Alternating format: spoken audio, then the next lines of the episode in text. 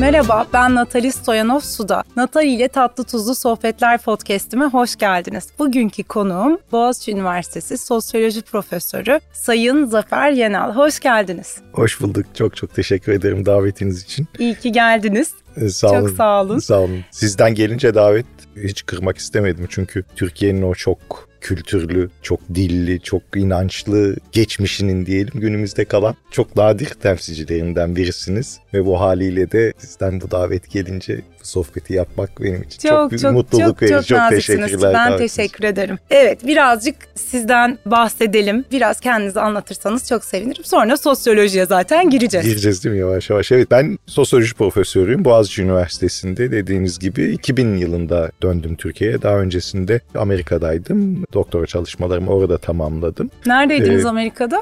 Binghamton Üniversitesi'nde New York eyaletinin üst Aha, taraflarında, kuzey taraflarında. Onun öncesinde de ODTÜ'deydim. Ekonomi okudum. Aha. Sonradan sosyolojiye geçiş yaptım Ha biraz. ekonomi okudunuz Evet evet öncesinde. ekonomi Ha. okumuştum.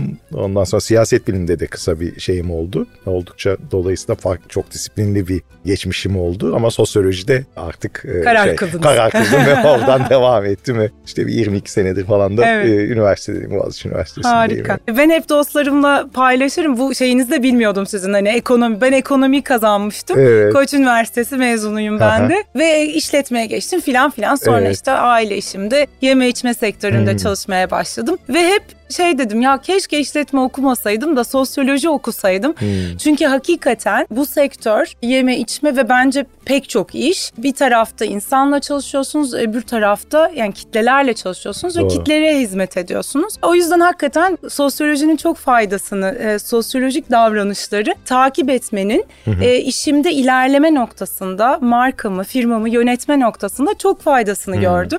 O sebeple hep içten içe böyle ah keşke sosyoloji okusaydım da sonra master yapsaydım dedim. Evet. Sizden birazcık yeme içme sosyolojisini tabii kendi ilgi alanım olunca haliyle bunun sosyolojisini dinlemek isteriz. Yeme içme sosyolojisi, yemek sosyolojisi görece diğer sosyolojinin diğer alanları içerisinde daha yeni bir alan sayılır. Ama yeniliği de gene neresinden baksanız bir 30-40 senesi var. Ha o kadar iyi Ee, ama. evet yani hani baktığınız zaman siyaset sosyolojisi, ekonomik sosyoloji, kurumlar sosyolojisi falan çok daha gerilere gider. Keza demografi meselesi, aile gibi e, alanlardaki çalışmaların geçmişi neredeyse sosyolojinin ortaya çıkışıyla eş zamanlıdır. Ee, Zaten bu tür büyük meseleler üzerine düşünmek üzerine ya da yeni bir düşünme biçimi oluşturmak üzere yola çıkmış bir e, disiplindir. Sosyal bilim disiplinidir sosyoloji. Bunun içerisine daha böyle yeme içme gibi kültürel pratiklerin girmesi yani müzik dinlemeden spora, spordan efendim işte dekorasyona yani hayatın çok farklı alanlarını da içerecek şekilde popüler kültürde dahil olmak üzere bunların mesele edilmeye başlaması sosyoloji literatüründe görece yeni 1960'lar 70'ler sonrası. Biraz da belki bu savaşların falan da azalmasıyla hani refah seviyesinin daha bolluk dönemiyle mi ilgili Bravo, acaba onunla, biraz? Onunla illaki etkisi Evet. var ama aynı zamanda 60'lar 70'ler unutmayın şey dönemi insanların daha kimlik üzerinden siyaset yapmaya başladığı dönemler. Ondan sonra mesela ırkçılık karşıtı Evet. hareketler olsun, daha etnik kimlik temelinde ortaya çıkan gene bir takım direniş hareketleri olsun ya da kadın hareketini düşünün. Tabii. 1960'lar 70'ler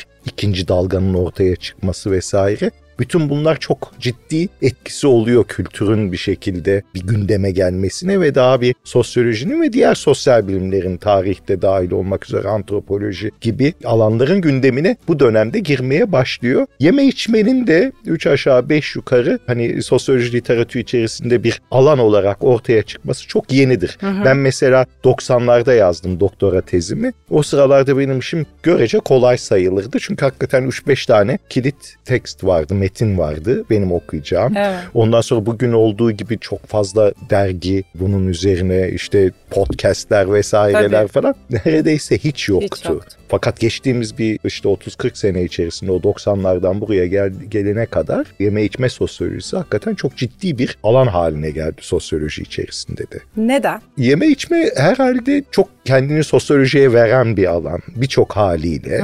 O da onunla da neyi kastediyorum? Bir, biraz önce verdiğim verdiğim örneklerden de anlaşılabileceği gibi kültürel kimliğimizin çok önemli bir parçası. İnsanlar çoğu zaman ne yiyip ne içtikleri üzerinden kim olduklarını, ne olduklarını, zevkleri üzerinden genelde tariflerler. Onlara Aha. sahip çıkarlar. Ondan sonra farklı insanlarla olan aidiyetlerini, yakınlaşmalarını, yeme içme pratikleri hep burada çok ciddi bir medyum işlevi görür. Bu bir herhalde. İkincisi gene sosyolojinin önemli şeysi zamanla tarihle ilişkisi çok önemlidir. Yani bizim yeme içmemiz de diğer farklı kültürel pratikler gibi donmuş müzelik pratikler değil. Hep değişiyor. Bir düşünün bundan 15-20 sene önce bu kadar çok veganlıktan, vejeteryanlıktan, glutensiz yemekten, Tabii. diyetlerden vesaireden bahsetmezdik. Bugün çok bahsediyoruz. Bir sürü insan değil mi farklı farklı yemekle ilgili modaların etkisi altında. E bu bir soru. Neden bugün? Neden 30 sene önce böyle değildi? 40 sene Yine önce sorayım, böyle neden? değildi? Ondan yani sonra... şöyle hani çünkü e, hakikaten siz mesela 30 sene önce 20 sene önce baktığınızda sosyoloji profesörü olarak bunu so yani en azından sosyolojiyle ilgili e, belki o zaman profesör değildiniz ama çok, çok hani çalışıyordunuz bu konuların üstüne. Böyle bir öngörünüz var mıydı o zaman? Valla yavaş yavaş aslında tüketim pratiklerinin genel olarak çok göz önüne geldiği, arttığı, çeşitlendiği bir dönemdi 90'larda. Yani 80'lere kadar dünyada baktığımız zaman genelde ihtiyaçlar konuşulurken 80'lerden sonra daha fazla arzular, istekler ondan sonra konuşulmaya başladı. Bir çeşit bir ihtiyaç ekonomisinden belki de arzu birçok sosyal bir arzu ekonomisine böyle bir geçiş oldu ve 80'ler o anlamda ciddi bir kırılma noktasıdır. E ve dolayısıyla aslında bunun üzerine filan da metinler çıkmaya başlamıştı epeyce ve buradan da görmek mümkündü diye düşünüyorum. Yani beni de herhalde buraya iş çeken e, temel etmenlerden bir tanesi buydu. Yani Hadi yani sorayım o zaman işin, size. Bundan e, sonra ne bekliyor bizi? sonra Var mı böyle bir öngörü? Mesela e, yeme içmede nasıl nasıl bir dönüşüm? 80'lerde siz bunu 90'larda gözlemleyebildiyseniz nasıl bir dönüşüm olur size göre? Valla zor soru tabii. E, yani birçok eğilim var. Günümüzdeki belki de en önemli iki şey var benim özellikle gördüğüm. Bir giderek daha yerel üzerinden, coğrafya üzerinden biz konuşmaya başladık yemeği. Bunun özellikle devam edeceğini ben öngörüyorum. Çünkü dünyanın artık özellikle 2008-2009 kriziyle birlikte küreselleşme eğilimlerinin biraz tersine döndüğü ve daha yerelleşme ve bölgeselleşme eğilimlerinin daha bir açık bir hale geldiği bir döneme girdik. Hı hı. Dolayısıyla hani yine 80'ler 90'lar herkesin küreselleşmeden bahsettiği ve küreselleşmenin geleceğini ufkunu açık gördü. Bugün ise bu farklı. Özellikle yaşadığımız işte Covid meselesi, daha sonra Ukrayna Rusya'nın saldırısı evet. ve bütün bu problemlerin beraberinde getirdiği tedarik zincirlerindeki sorular işte bilgisayar çiplerinden tutun da değil mi? Ee, Tabii tahıl, çipsiz araba nasıl e, yapılır uğraşılıyor evet. değil mi? Terse döndü tahıl biraz meselesi, Tahıl gübre meselesi, tabii. bütün bunların hepsi aslında biraz daha insanları e, şeye döndüren, kendi içine döndüren, daha doğrusu ülkeleri diyelim, toplumları evet. kendi içerisine döndüren eğilimler olarak ortaya çıkıyor ki ben bunların yakın zamanda değişeceğini çok düşünmüyorum. Böyle devam ee, edeceğini ee, düşünüyorsunuz bu, artarak belki. Artarak belki de devam eder ve bu gene bu eğilimleri destekleyen zaten hani bu yaşadığımız tırnak içerisinde diyelim felaketlerle işte Covid meselesi, savaş meselesinden bağımsız olarak da gene öncesinde de insanlar daha çok meraklanmaya başladı bu terroir meselesine. Hı hı. Değil mi? Fransızların terroir dediği, ondan sonra toprağın, havanın, Ondan sonra suyun o bölgeye has bir takım özellikleriyle, coğrafyanın evet. Özellikleriyle gıdanın aldığı ya da yeme içmenin aldığı farklı e, işte e, kokusuyla, lezzetiyle vesaire. Bütün bunlar çok konuşuluyordu zaten. Ve dolayısıyla bir yandan hani bu haliyle, bir yandan daha zorlanma haliyle bu iş devam eder yeme içme aleminde diye düşünüyorum. Evet. Önümüzdeki yıllarda ikinci bir şey olarak bir de tabii doğallık meselesi var. Hı hı. Yani çünkü bugün en çok konuştuğumuz konuların başında sürdürülebilirlik meselesi geliyor ve sürdürülebilirliğin en tehdit altında olduğu alan, daha doğrusu en tehdit altında olduğu alanlardan bir tanesi diyelim. Çünkü birçok alan orada evet. tanımlanabilir. Bir tanesi de çevre ve çevrenin tahribatı giderek aslında doğal olanı daha aranır hale getiriyor. Azalıyor çünkü. Çünkü azalıyor. Eskiden ilgi. lüks Tabii. diyelim ki havyar yemekti evet, ama bugün doğal beslenmek, organik beslenmek Tabii. insanlar için bir lüks haline gelmiş vaziyette. Dolayısıyla bu eğilimin de ben yine artarak devam edeceğini öngörüyorum. Çünkü maalesef bu kadar çok hani sürdürülebilirlik bu kadar büyük tehdit altındayken gene yapalım edelim işte çözüm şurada burada yani söylem düzeyinde çok fazla belki konuşuluyor ama hakikaten somut adımlar anlamında ne yapılıyor? Samimiyeti ee, aslında e, konunun biraz değil mi? Evet kolay değil hani o orada. Hiç kolay hiç değil. kolay değil. E, ve dolayısıyla hani genelde dilde belki ve bunun ne kadar pratiğe yansıyıp yansımadığı çok tartışılır. Ve bu haliyle de bence bu sürdürülebilirlik meselesi maalesef ve bununla ilgili sorunlar bizimle olmaya devam edecek ve haliyle e, doğala ulaşmak konu olacak. maalesef konu olmaya ve hakikaten aranan e, edilen bir şey olmaya devam edecek. Ben bu iki şey üzerinden ha. görüyorum. Bir de değişmezse olmazsa olmaz herhalde lezzet meselesi. Lezzette o hep var O hep mi? var ve o, o var. lezzetin evet. nasıl tanımlanacağı. Çünkü o lezzet dediğimiz şey de aslında Natalya Hanım çok hani bir yandan subjektif gibi görünen ama bir haliyle de çok nesnel bir şeysi de olan hani zevkler ve renkler tartışılmaz denir ama tam da hani sosyoloji, gıda sosyoloji, yemek sosyolojisi ya da yeme içme sosyolojisi nasıl olur dediniz tam da zevkleri ve renkleri tartışmak için orada bütün bu konuştuklarımızdan evet, da hareketle evet, bunu çok evet. rahatlıkla söyleyebiliriz herhalde. Şimdi ben tabii adı un tuz şekerden gelen bir markanın e, başındayım. Beşinci nesliyim ve biliyorum ki sosyolojide sizin de konuşmalarınızdan, yazılarınızdan şeker ve kahvenin toplumların dönüşmesinde sosyolojik olarak çok büyük etkisi var. Biraz bunlardan bahsedelim. Şeker ne yaptı? Nasıl yönlendirdi?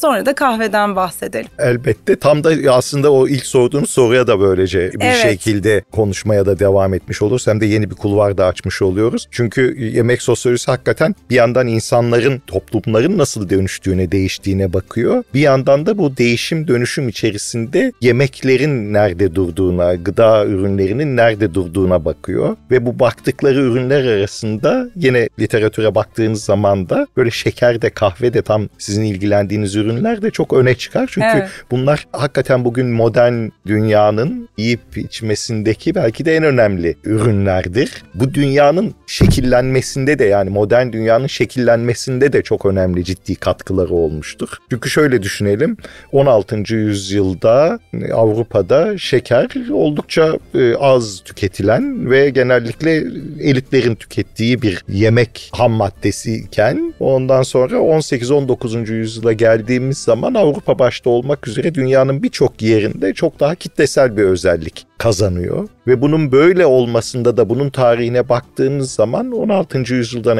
itibaren gene Avrupa ekonomisinin Akdeniz'in dışına açılması, Atlantik'i geçerek ta Amerika'ya gitmesi ve yeni ticaret yollarının ortaya çıkması hep bunun bir parçası ve sadece ticaret değişmiyor. Aynı zamanda yeni üretim alanları ortaya çıkmaya başlıyor. Tarımsal toplumlar bunlar özellikle ve dolayısıyla yeni tarımsal e, alanlar, plantasyonlar ortaya çıkıyor büyük ölçekli tarım faaliyetleri ortaya çıkıyor ve e, bunların en önemlisi de şeker. Çünkü Hı-hı. şeker hakikaten belki de e, yıllar önce, yüzyıllar önce ilk defa fabrika üretimine benzer bir disiplin gerektiren, belirli bir sistematik gerektiren bir ürün. Hı-hı. Ve bunun böyle olması için keza sadece ürünün e, Amerika'ya gitmesi değil. Çünkü Doğu Asya'da orijini evet. olan daha sonra e, bizim yaşadığımız coğrafyada, coğrafyaya yakın yerlerde işte Orta Doğu vesaire civarında büyümüş. Daha sonra Avrupa'ya gitmiş. Avrupa'dan da Amerika'ya gitmiş bir ürün üretim anlamında ve ama orada üretimi ol- olabilmesi için insan kaynağına ihtiyaç var ve bu insan kaynağı da özellikle Afrika'dan getirilen 17 ve 18. yüzyıllarda özellikle çoğalıyor. Köleler sayesinde mümkün oluyor. Dolayısıyla baktığımız zaman modern dünya tarihinin oluşturan çok önemli kurumsal ve yapısal dönüşümler şekerin tarihi üzerinden izlenebilir. İçerisinde ticaret de var, üretim ilişkilerinin dönüşmesi de var. Kölelik gibi, Kölelik sömürgecilik var. gibi, emperyalizm gibi dünya tarihini oluşturan çok önemli tarihsel süreçler var. Keza bunun sadece üretim anlamında değil, tüketim anlamında da büyümesi şekerin o da sanayileşmeyle alakalı, şehirleşmeyle alakalı. Çünkü özellikle yine Avrupa'da yaşayan giderek sayıları artan işçi sınıfının, işçilerin yiyecek içeceklerinin, yediklerinin, içtiklerinin çok önemli bir kısmı ya da şöyle diyelim kalori ihtiyaçlarının çok önemli bir kısmı şekerden e, şey yapıyor. Sabah kahvaltısında bol şekerli kahve içerek güne başlıyorlar. Özel günlerinde bir takım tatlılarla vesaireyle filan o sosyalliklerini şeker üzerinden şey yapıyor. Yani bir yandan işin beslenmeyle evet. alakası var. Kalori ihtiyaçlarını gidermeyle ama orada o bitmiyor. Çünkü yemek hiçbir zaman sadece kalori, sadece biyolojik, kimyasal ihtiyaçların doyurusu, o doyurulması anlamına gelmiyor. Son derece sosyal, kültürel bir pratik ve şeker de mesela bunun en güzel örneklerinden bir tanesi. Evet. Çünkü acımız olduğu zaman zamanda ama özellikle sevinçlerimizi, mutluluklarımızı hep şey üzerinden yani şeker üzerinden sosyalleşmeyle, pastalarla, böreklerle, tatlılarla yani vesaireyle falan. Her noktada falan. eşlik ediyor aslında. Cenazede de var, düğünde e, de var. de var değil mi? Bütün var. hayatın o e, şey aşamalarında, dönüş aşamalarında hep şeker var. Keza kahve için de aynı şeyi söyleyebilirsiniz. Hı hı. Bu kahvenin üretimi, ticareti vesairesi dünya tarihindeki önemli dönüşümlerle. Mesela rasyonellik fikrini düşünün. Bilime olan inancın, akla olan inancın artmasını düşünün. Biraz o dönemlerde aslında kahve biraz daha kendisinden önceki daha alkollü içkilerin yerini alabilmiştir. Ondan sonra onlara ciddi bir alternatif oluşturabilmiştir kitlelerin gözünde. Bu elbette şeyle de alakası var. Artık ya değişen yaşam temposuyla insanların giderek daha fazla disiplin gerektiren işlerde çalışmaları, tarlada artık kendi başlarına çalışmıyorlar. Birilerine gidip birileri için çalışmak durumundalar, makine kullanmak durumundalar. Dolayısıyla ayık kalmaya ihtiyaçları var. Onları ayık tutabilecek şeylerden bir tanesi başta kahve ama sadece o da değil aynı zamanda kahve baktığınız zaman ideolojik olarak düşünsel olarak çok sahipleniyor o zamanın rasyonel düşünürleri tarafından. Çünkü diyorlar ki bakın bu kahve zihin açıyor, bakın bu kahve ufkumuzu açıyor, aklımızı açıyor ve dolayısıyla o rasyonelliğin değil mi modern dünyanın en önemli evet. şeylerinden bir tanesi. Gelişmesine aslında sembolik geliş... oluyor bir çok, nokta, çok, ciddi bir şekilde. Çok çok sembolik hmm. anlamda, kültürel anlamda da dolayısıyla kahvenin hakikaten o anlamda çok şey bir önemli bir e, yeri var yine evet. modern dünyanın şekillenmesinde hem ekonomik olarak evet. hem de kültürel sembolik olarak. Evet. Peki şimdi biz kendi ülkemize döndüğümüzde aslında 80'lerden hatta 90'lardan sonra Türkiye'de de de bir kitlelerde dışarıda yemek, içmek. E, yani eskiden e, ne yap ne yapılırdı? Ben hatırlıyorum. Ben 75 doğumluyum. Aileler işte evlerde toparlanırlar. Herkes arkadaşlarını evlerine çağırır filan filan. Ama bizde şimdi tabii çok değişti bu artık. Dışarıda yeme içme kültürü hızla bir dönem çok hızlı gelişti ve şimdi de artık tabii o yine o ivmeyle de devam ediyor aslında. Çok. Bu neden yani buradaki değişim hani bizim ülkemizde bu çok da hızlı oldu aynı zamanda. Avrupa'ya e, ve Amerika'ya göre baktığımızda. Burada neler oldu size göre? Evet buradaki yine birkaç tane e, hani e, temel süreç var sanırım. Bir tanesi daha çok insanın çalışma hayatına girmesiyle, şehirleşmenin artmasıyla çok yakından e, bence alakalı süreçler bunlar. Çünkü daha çok insan çalışmaya başladıkça günün daha fazla bir bölümünü evinden uzaklarda geçirmeye Geçirme başladıkça başlayacak. burada hani bu, bu çok bilinen bu horeca sektörü değil mi? Evet, işte oteliyle, tabii. restoranıyla ve en önemlisi cateringiyle. Ondan sonra çok daha e, çünkü unutmayın yine 1980'lerde yeme içmenin Türkiye'de büyümesi aynı zamanda cateringin büyümesiyle de çok yakından alakalı alakalıdır. Bu dönemde catering firmaları özellikle ortaya çıkmıştır, büyümüştür ve bunların çoğunun da müşterisi bellidir aslında. Büyüyen daha corporate şey, yapılar, şey yapılar Şirketler. içerisinde işte çalışanlar, işçisiyle, e, işte beyaz yakalısıyla vesaire. Bir işin böyle bir tarafı var. Çünkü gene Türkiye'de baktığınız zaman şehirleşme hep artarak devam eden bir süreç ve bunun içerisinde de görece daha erken şehirleşmiş ülkelerde yaşanan yeme içmenin evin dışına taşma olması süreçleri biraz daha geç oluyor belki ama Türkiye'de de olmaya çalışıyor. Evet. Bir işin bir bu boyutu var bence önemli bir boyut. İkinci bir boyut kadınların iş yaşamına katılması ve bununla gene Türkiye'de bu süreç biraz daha geç oluyor diğer ülkelere göre ama Türkiye'de de oluyor ve bunun böyle olması yine beraberinde evde pişenin ondan sonra en azından öğle yemekleri için yine evin dışına e, taşmasını beraberinde getiriyor. Bence yine üçüncü bir boyut olarak da şeyi düşünmek lazım. Biraz önce başta da söylediğimiz gibi yani sadece dünyada Avrupa'da Amerika'da gelişmiş ülkelerde olmuyor bu. Daha sınırlı da olsa ihtiyaç ekonomisinden arzu ekonomisine geçiş. Türkiye'de de 1980'ler sonrasında yaşanmaya başlıyor. Artık 1980'ler insanların Nurdan Gürbilek'in deyimiyle vitrinde yaşamaya başladığı zamanlar. Yani alışverişle, tüketimle kendilerini ifade etmeye başladıkları ve dolayısıyla kimliklerinin, kültürel kimliklerinin, duruşlarının, hayattaki duruşlarının önemli bir kısmının, önemli bir boyutunu tüketim pratiklerinin oluşturmaya başladığı zamanlar. Ve bunun içerisinde tabii ki yeme içme, yeme de, var. içme de var. Ve bunu gör, gören girişimciler var elbette ve bunun üzerinden de burada çok ciddi bir büyüme var ve aynı zamanda büyük bir çeşitlenme var. Çünkü evet. gene unutmayın 1980'ler sonrası Türkiye çok daha heterojen bir, çok daha segmente yani pazarın çok farklı segmentlere ayrıldığı bir ülke. Yani bir an bir homojen, daha standart bir tüketim pazarından çok daha farklı segmentlere şey yapmış, uçları olan, kendi içerisinde parçalanmış, çok parçalı bir pazar yapısına şey yapılıyor, e, evriliyor. Hı hı. Yeme içme de bunun bir parçası aslında. Sadece sokak yemekleri değil, sadece esnaf lokantaları değil, sadece dönerdir, işte kebaplardır vesaire geleneksel şeyler değil ama aynı zamanda işte uluslararası mutfakların, efendim etnik mutfakların ya da e, işte hazır e, yemek zincirlerinin McDonald's'ıyla vesairesiyle falan, KFC'leriyle falan ortaya çıktığı pizza hatlarıyla çıktığı zamanlar. Bir yandan ulusal pazar çeşitleniyor. Bir yandan uluslararası daha küresel markalar işin içerisine girmeye başlıyor ve buradan muazzam bir büyüme ve, ve çeşit büyüme. büyüme ortaya çıkıyor. Biraz bununla alakası. Yani bir işin hem bir tüketim tarafı var evet. hem de üretim. Yani sermayenin bu işin içerisine girmesiyle beraber reklamıyla o suyla bu suyla falan muazzam bir e, şey var. Peki etki tepkiden aslında hep konuşuyoruz. Hmm. Demin konuşmaya başlamadan önce podcast'te de vardı. Yani hep böyle bir insanlar, toplumlar bir uca gidiyorlar sonra öbür uca hmm. gidiyorlar. Şimdi biz e, şehirleşmeyi yaşadık. Hmm çok hızlı bir şekilde ve aslında işte e, tarımı belki ülke politikası olarak da bir noktada e, tarımdan uzaklaştık. Toplumlar da uzaklaştılar bundan ve ne oldu sonuç itibariyle? Tarım doğal olan, e, doğal üretilen değerli hale geldi.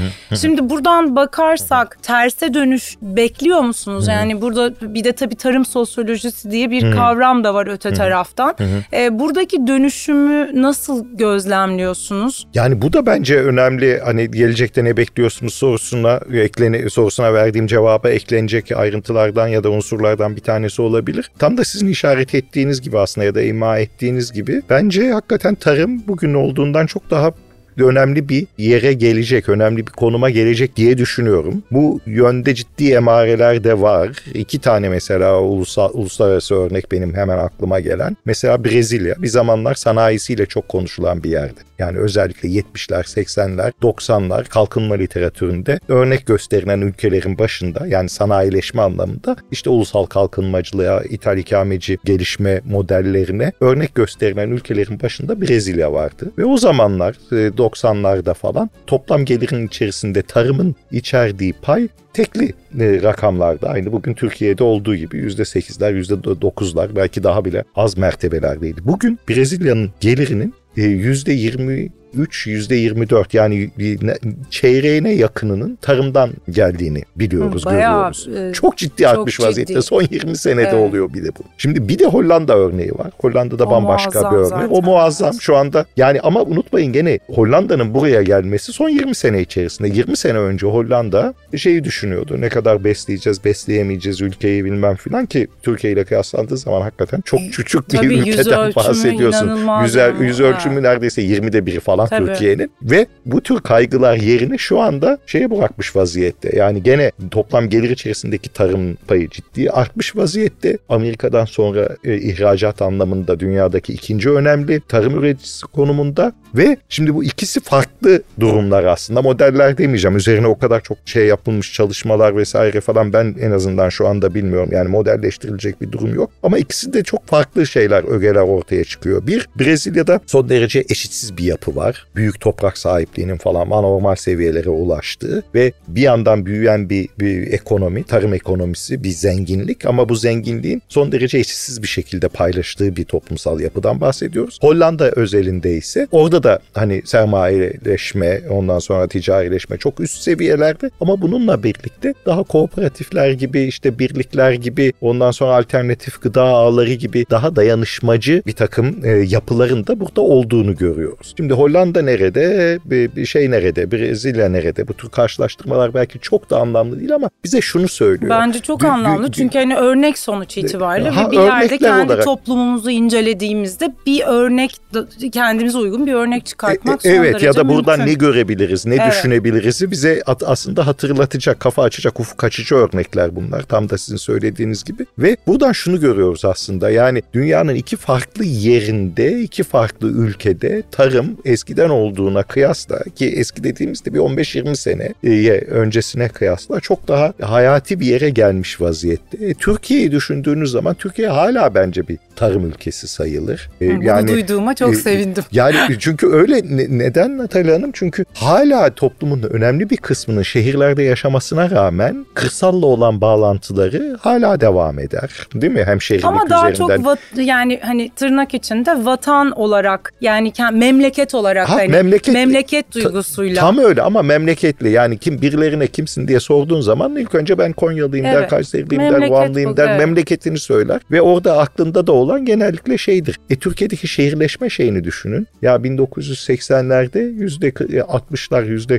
40'lar üzerinden ondan sonra şehirleşmenin şu anda yüzde 80'ler seviyesine geldiği bir ülkede yaşıyoruz. Ama bu şey ne, ne, ne anlamada geliyor? Yani baktığın zaman şehirde yaşayanların çok önemli bir kısmı henüz daha birinci kuşaklar. Ve dolayısıyla yani köyle olan, kırsalla olan şeylerini kaybetmemiş insanlar. Bir yandan böyle daha kültürel anlamda e, kırın önemi, köyün önemi Türkiye'de yaşamaya devam ediyor. İyiliğiyle kötülüğüyle Tabii. bunlar tartışılacak meseleler. İkinci olarak baktığınız zaman gelir içerisinde tarımın payı gene hala %7'ler 8'ler mertebesinde Avrupa'da başka yerlerde olduğu gibi %1'ler 2'ler falan değil. Dolayısıyla ciddi bir ekonomik şeysi var aslında her türlü yaşadığı tahribata rağmen son 15-20 senedir bu böyle olmaya devam ediyor. Artı ekmeğini tarımdan kazanan, gıdadan kazanan popülasyona baktığınız zaman bunların da yine %15'lik %16'lık kısmı. Bu da ciddi bir rakam aslında. Dolayısıyla buralara baktığım zaman ve genelde diğer verdiğim örnekleri de hatırlayalım. Brezilya'dır, evet. Hollanda'dır ve şu anda bütün bu tedarikle ilgili yaşanan sorunların insanları tarım üzerine, gıda üzerine düşünmeye, tekrar daha bir ciddi bir şekilde sevk etmesi falan gibi eğilimleri bir araya getirdiğimiz zaman hakikaten Türkiye'nin geleceğinde tarım, tarım var. eğer düşünülürse yani hani iyi düşünülürse, iyi tasarlanırsa, iyi düzenlenirse çok da olumlu bir gelişme olarak aslında tarımı görürüz. Aslında Görmeliyiz de hani belki de. girişimcilere iyi de bir ipucu aslında söylediğiniz. Çünkü hani hep böyle merak ediyor ya şimdi ben neye yatırım yapayım evet. falan diye böyle yani sektörlerde de bakarlar. Hı-hı. Aslında hani büyüyen pazar her zaman yatırım yapılasıdır.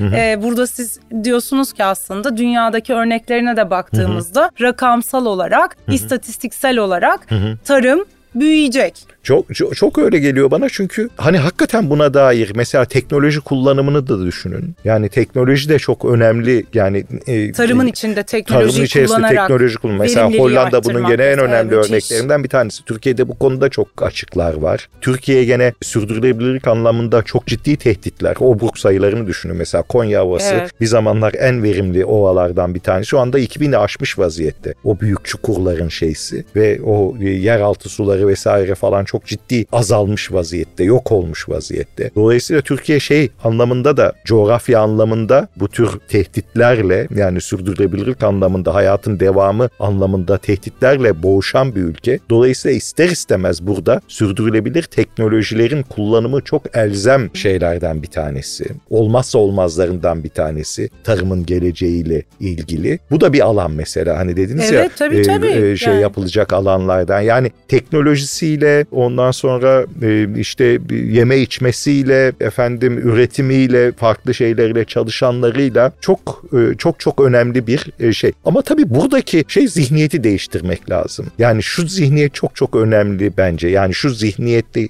şu şu değişiklik bizim şunun altını çizmek istiyorum ki yani son 15-20 senedir tarım arazileri Türkiye'de tarımdan çok başka şeylere ayrıldı. Madene ayrıldı, madenciliğe, enerjiye ayrıldı, efendim turizme açıldı, işte orman kanunları değişti, ormanlar çok ciddi şekilde azaldı. Böyle büyük mega projelerle vesaireyle falan doğal yaşam alanları çok ciddi tahribata uğradı. Bu zihinsel bir dönüşüm gerçekleşmedikten sonra yani e, doğaya bakışımız ve de tarımı diğer alanlar arasında önceliğini bir şekilde değiştirmediğimiz sürece bir yandan doğaya bakış bir yandan da tarımı diğer para getiren alanlarla evet. karşılaştırıldığında oraya giden zihniyet değişmediği sürece bizim bu bahsettiğim türden bir değişimi, değişimi yaşamamız, dönüşümü, dönüşümü yaşamamız ne zor gözüküyor açıkçası. Yani belki de bireyler bazında hani daha çok çaba sarf edip hani belki hani tabandan da hareketle e, evet. bir şeyler değişebilir ama yani çok da teslim olmamak Yok, gerek. Yok hiç hiç hiç kesinlikle.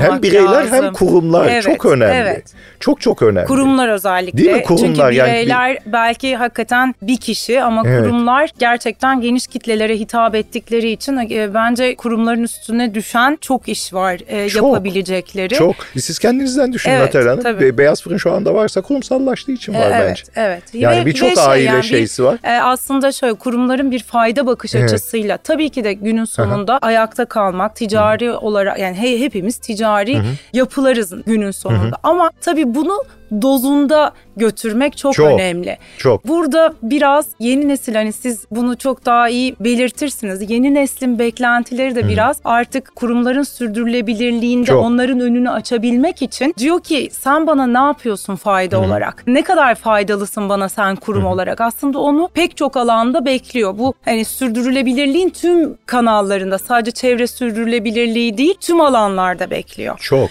Ee, Çünkü dolayısıyla kurum, evet. kurumlar gerçekten bence daha sorumluluk sahibi davranırlarsa ülke için faydalı olacağına çok gönülden inanıyorum. Bence Biraz de. beklememek gerekiyor kesin, sanki. Kesin ve bu yönde de hakikaten olumlu, hakikaten umutlu olmak gerekir. Ya, ve bu yönde de emareler var. Sosyal fayda kavramı mesela. Evet. Yani kaç senedir kullanıyoruz? Çok yeni değil mi? Ya da işte bir takım şey projeleri, e, sosyal sorumluluk projeleri. Bugün liseden bilmem Tabii nereye. Tabii çocuklar, benim çocuklara... iki tane kızım var. Onlar hakikaten bununla büyütülüyorlar evet. çocuklar. Yani o, o nosyon kafalarında artık var. içselleştirmiş evet. durumdalar onu. Doğru. Ve bunun adı var. Onun satarı var. Evet. Ve dolayısıyla evet. bunun üzerinden işte bütün şirketlerin hani gö- göstermelik de olsa hazırladıkları bir takım yıl sonu değerlendirme sürdürülebilirlik raporları, raporları var vesaire. Evet. Ama tabii bu bunun da bir dönüşüm değil mi? Yani evet. kötü bir şey değil yani. Göstermelik hiç, hiç bile olsa hiç, hiç bir ölçüde değil. neticede bir takım kavramların toplumların kültürü haline Hı-hı. gelmesi herhalde nasıl dediniz demin siz birinci Hı-hı. nesil şehre Hı-hı. geldi. Nesiller geçmesi Hı-hı. gerekiyor değil mi? Biraz Hı-hı. yani bir takım davranış modellerinin içselleştirilmesi eleştirip oturtulabilmesi için. Kesinlikle, kesinlikle. O bakımdan hani çok eleştirel ben de düşünmüyorum evet. yani her evet. ne kadar bunlar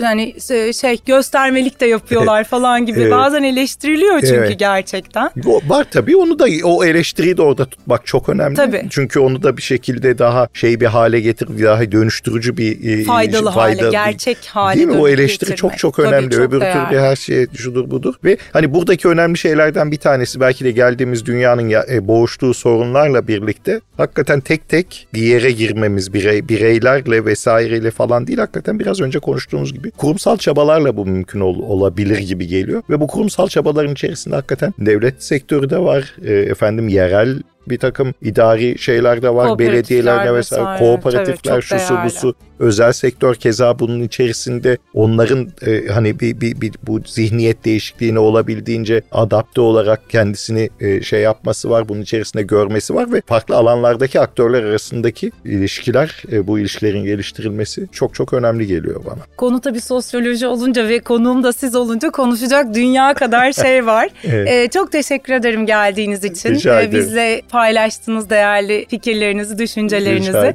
Ee, çok, bir çok bölümün sevim. daha sonuna geldik. Bizi dinlediğiniz için çok teşekkür ederiz. Bir sonraki bölümde görüşmek dileğiyle.